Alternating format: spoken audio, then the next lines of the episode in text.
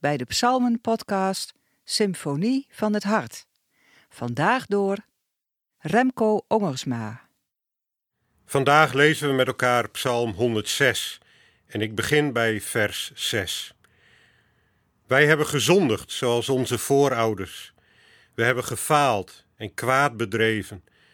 Toen onze voorouders in Egypte waren, sloegen zij geen acht op uw wonderen, dachten zij niet aan uw tekenen van trouw en kwamen in opstand aan de oever van de Rietzee.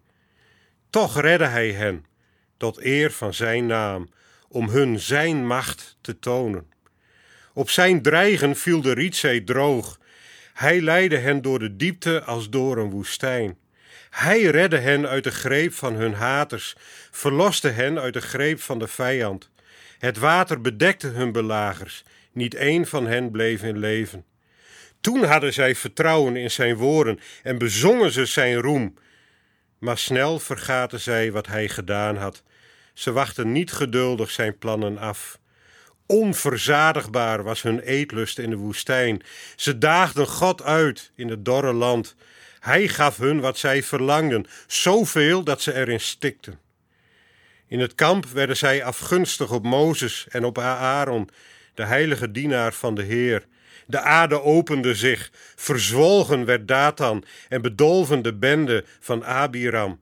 Vuur verbrandde hun aanhang, een felle vlam heeft de schuldigen verteerd.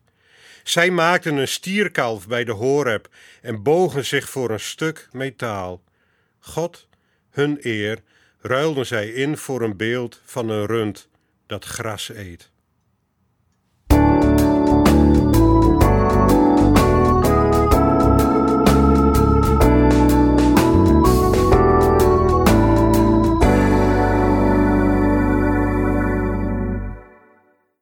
Zo nu en dan komt het in het nieuws voorbij. Een president of een ander staatshoofd dat excuses maakt. Vaak voor dingen die in het verleden mis zijn gegaan. Excuses voor slavernij, voor de holocaust. Excuses voor nalatigheid in Groningen rondom de gaswinning. Excuses voor de toeslagenaffaire en ga zo maar door. Vaak is het nodig omdat er één partij zoveel macht heeft gekregen dat het wel mis moest gaan. Als buitenstaander komt het altijd wat gek over. Wat heb je nu aan excuses? Ze klinken al snel als holle en lege woorden, vooral wanneer de wandaden gewoon doorgaan, zoals in Groningen of bij de Belastingdienst. En toch hebben excuses wel een functie. Want stel je voor dat er geen excuses worden gemaakt. Voor slachtoffers is het in ieder geval een vorm van erkenning. Psalm 106 is eigenlijk één grote schuldbeleidenis. Een vorm van excuus van het volk aan God voor alles wat er mis is gegaan in het verleden en ook vandaag. Vers 6 verwoordt dat goed.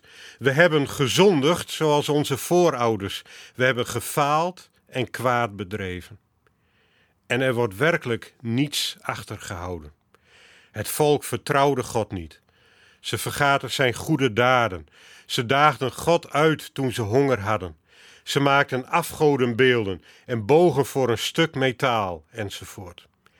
Als je excuses maakt, moet je het ook goed en grondig doen, lijkt de psalmist te denken.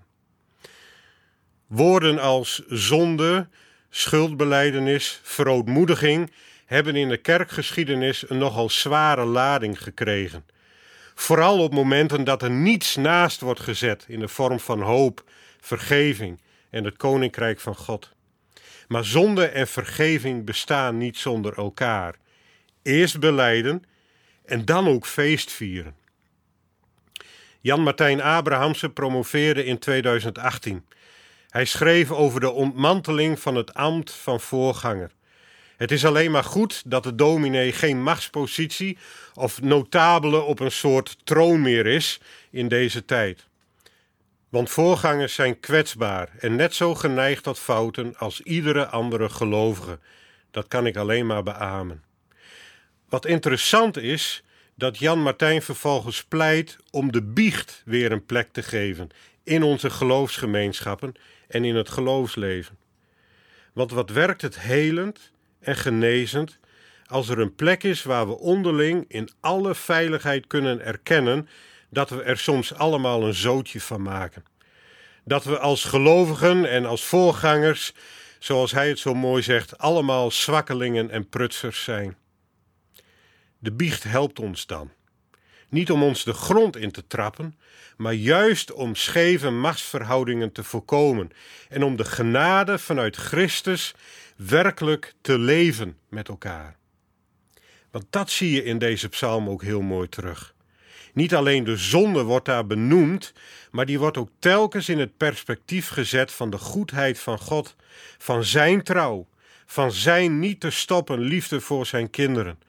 En het resultaat is dan niet wij kunnen lekker doorgaan met foute keuzes, want zijn liefde gaat toch wel door. Het resultaat van deze belijdenissen is dat het volk Gods goedheid onder ogen komt. En wel op zo'n manier dat het wil gaan leven naar zijn wil. Zonder hoge pretenties, zonder arrogantie of trots, maar in alle nederigheid. Red ons, Heer, onze God. Breng ons bijeen uit de andere volken. Dan loven wij uw heilige naam en verkondigen wij trots uw roem. Zo sluit de psalm af. Met andere woorden, in de genade die we ontmoeten bij God, terwijl we onze fouten gewoon toegeven, verschuift onze focus van ons eigen hart naar het vaderhart van God. Daar worden we zelf niet kleiner van, daar wordt God groter van in ons leven. Schuld beleiden, zo leert de psalm ons, verandert niet God, maar onszelf. Het maakt ons tot mensen die Gods liefde en genade nog beter gaan zien.